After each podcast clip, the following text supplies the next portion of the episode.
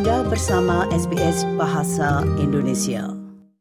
Pendengar, warga Australia akan bisa mendapatkan obat-obatan yang lebih murah mulai tanggal 1 September setelah parlemen meloloskan perubahan yang memungkinkan membeli obat resep untuk 60 hari. Berikut ini laporan tentang hal tersebut yang disusun oleh Sofia Tarik untuk SBS News. 6 juta warga Australia akan segera dapat mengakses pengobatan yang lebih murah. Mulai 1 September, orang akan dapat membeli obat selama dua bulan dengan harga yang sama dengan satu resep. Perubahan ini berlaku untuk lebih dari 300 obat umum bersubsidi yang sudah ada dalam skema manfaat farmasi atau PBS dan akan diluncurkan dalam tiga tahap. Persatuan Apotek telah menyuarakan keprihatinan mereka bahwa kebijakan tersebut dapat merenggangkan beberapa apotek komunitas, menyebabkan mereka akan tutup, kehilangan pekerjaan, dan mencegah orang untuk mendapatkan pengobatan. Andrew New adalah Presiden Serikat Farmasi Cabang Australia Barat. Berikut ini komentarnya. What we're asking for is for the government to work out the best way that they can bring this forward that will not negatively impact the community pharmacy network. Whilst this government were in opposition, they did say that the best way to introduce the 60 day policy was in the constructs of a community pharmacy agreement. We hope they will do this as a part of their ongoing negotiations with us. Menteri Kesehatan Mark Butler mengatakan perubahan itu akan memberikan bantuan biaya hidup, membebaskan dokter, dan tidak menutup apotek komunitas. This measure will halve the cost of these medicines for 6 million patients. Obviously, incredibly good for the hip pocket at a time of a global cost of living crisis. We also know from evidence overseas that it improves medication compliance by as much as 20%, so it will be good for their health as well.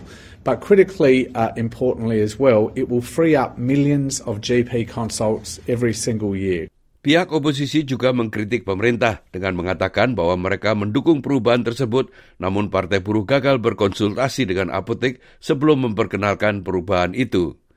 Pihak koalisi mengatakan mereka akan memblokir perubahan pengeluaran 60 hari pemerintah federal kecuali mereka setuju untuk bernegosiasi dan menerapkan perjanjian baru dengan apotek komunitas.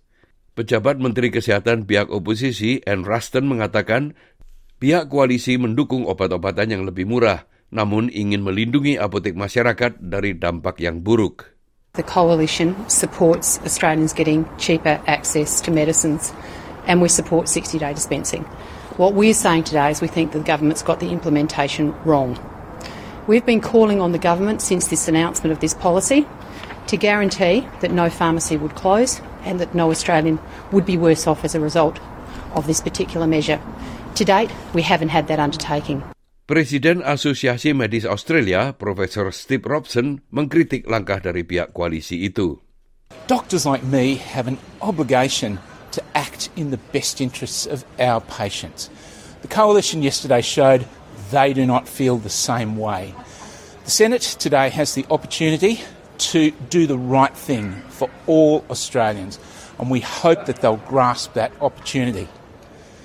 Affordable medication should be available to every single Australian. It's that simple.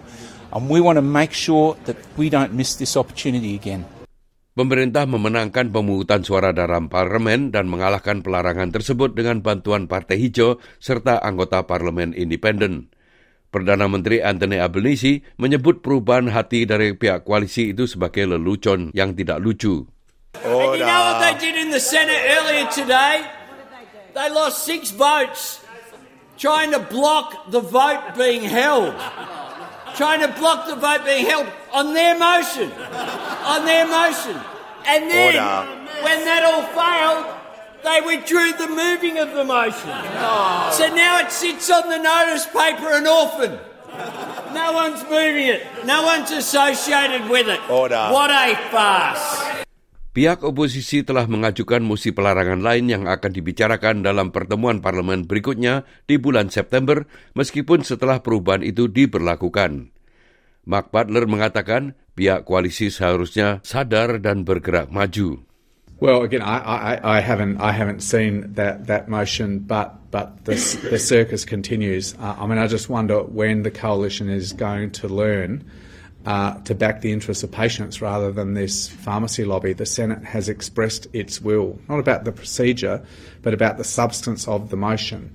And a majority of the Senate, a clear majority of the Senate, supported the government's measure. Frankly, the coalition should just um, listen to that and move on. Demikianlah tadi sebuah rangkuman yang disusun oleh Sofia Tarik untuk SBS News dan disampaikan oleh Ricky Kusumo. Sukai, berbagi, komentar.